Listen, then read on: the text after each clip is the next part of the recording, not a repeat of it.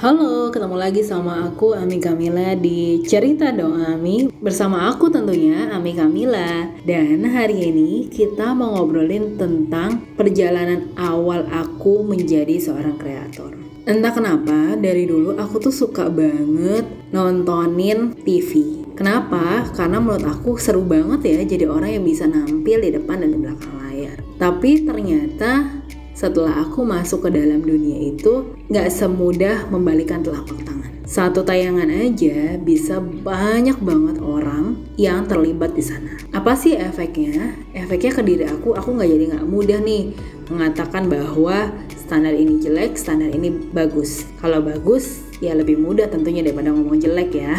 Tapi terkadang mengutip dari kata-kata Han Ji Pyong, kita harus sampaikan the real condition atau tayangan yang kita lihat. Aku memulai perjalanan menjadi kreator saat menjadi fans. Menarik ya. Aku menyukai salah satu artis kreator yang menurut aku sangat menginspirasi saat itu. Tapi etika dalam jurnalis membatasi aku untuk bisa mengekspresikan keseluruhan dari apa yang aku lihat dan apa yang aku ingin sampaikan kepada dia. Dan akhirnya itu justru membawa peluang lain dari fans terus aku jadi bergabung dan malah berteman dengan si kakak ini. Perjalanan di dalam sebelum terciptanya YouTube adalah aku bergabung dengan uh, si kakak kemudian ngobrol jadi teman kemudian melakukan beberapa event bersama sampai akhirnya aku memutuskan untuk oke okay, I'm off from here kenapa karena waktu itu usia aku masih muda banget satu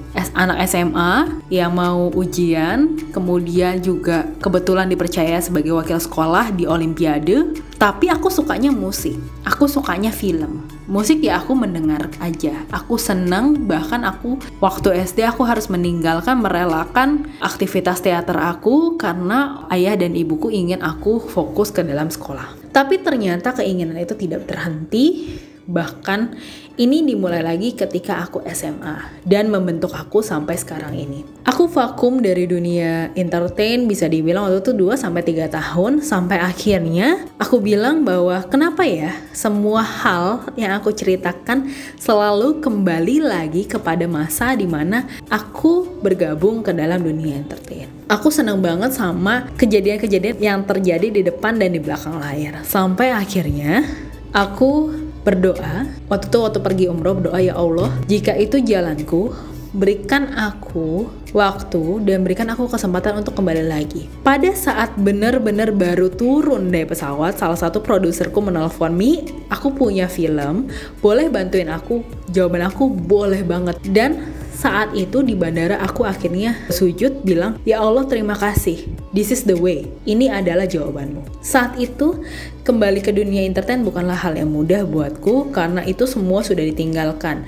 Aku waktu itu sebel banget ketika seseorang mulai menelisik kehidupan pribadi aku padahal itu tidak ada sangkut pautnya dengan si kakak ini. Dan ketika aku kembali aku sudah lebih dewasa, umurku juga sudah lebih besar, dan akhirnya aku terjun ke dalam film. Ternyata film ini membawaku ke film berikutnya, film berikutnya, sampai akhirnya sekarang ini dan sebelum itu juga aku bertemu dengan salah satu keluarga dari youtubers dan membuat aku belajar banyak tentang ketepatan waktu, disiplin, membuat konten, melihat peluang-peluang aku belajar dari sana. Tapi ternyata ada hal-hal lain yang menurut aku itu adalah bagian dari privacy yang membuat akhirnya aku bilang kayaknya aku jalan sendiri aja deh gitu. Selanjutnya temanku dari salah satu brand mengingatkan bahwa kami dulu menjadi duta dari salah satu brand. Dia bilang gini, Mi, inget gak? Kita dulu belajar namanya salah satu pencarian YouTube. Dan ternyata kita lupa kita coba untuk nge-branding atau membuat orang lain menjadi terlihat, tapi kita lupa kalau kita harus membuat kita juga terlihat. Waktu itu males banget nih buat aku posting-posting foto bareng konten kreator atau artis yang aku kenal. Tapi ternyata dalam dunia digital branding, aku harus melakukan itu untuk menyatakan bahwa ya, aku memang kenal sama dia dan aku pernah bekerja sama dengan dia. Perjalanan menjadi kreator yang akhirnya bisa membuat aku berdiri sendiri di kakiku, tidak bergantung pada nama orang lain, adalah perjalanan yang gak mudah. Kenapa? Karena selama ini aku ngumpet ada di belakangnya. Sekarang aku bisa berdiri di depannya. Bahkan mulai memperbaharui apa-apa yang tadinya aku bikin atas nama orang lain. Contoh, konten kreator A mau bikin kayak gini. Oke, okay, aku siapin dia yang publish atau dia yang memperkenalkan. Tapi atas dasar obrolan singkat dengan temanku di salah satu brand ini, akhirnya aku pun memberanikan diri untuk bikin hal-hal yang menginspirasi, yang aku bagikan. Tapi bukan semata-mata karena uang, karena ada keinginan-keinginan yang ingin disampaikan, seperti keinginan berbagi cerita, keinginan untuk berbagi solusi. Kenapa? Karena banyak banget orang di dalam hidup punya cerita dan bisa jadi kita sama-sama cari solusi. Perjalanan itu membawa aku ke masa ini. Mungkin kalau ada di masa aku dulu dan tidak melewati berbagai rintangan seperti orang tua yang memberikan kewajiban bahwa aku harus prestasi bukan hanya sekolahnya masuk aja ya tapi berprestasi di sekolah baru diizinkan untuk melakukan aktivitas lain itu pasti challenge banget. Ngerasain baru pulang jam 12 besok paginya bangun lagi sekolah. Bukan hanya artis yang mengalami itu, konten kreator yang mengalami itu, tapi kru-kru yang mengupayakan pendidikan juga mengalami itu. Salah satunya aku. Terus menyeimbangkan antara tugas sekolah,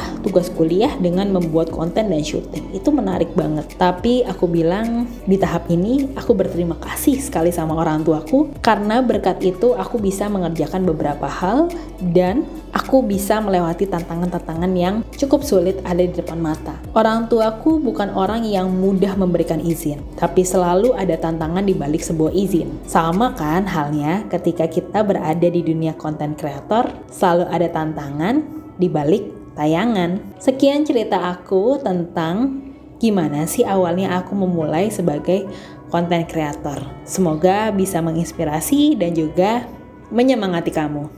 Kalau kamu mulai bikin konten, bikinlah dari sesuatu yang kamu suka. Dan jangan lupa selalu untuk berbagi. Jangan pikirin uangnya dulu, nanti itu akan datang sendiri kok.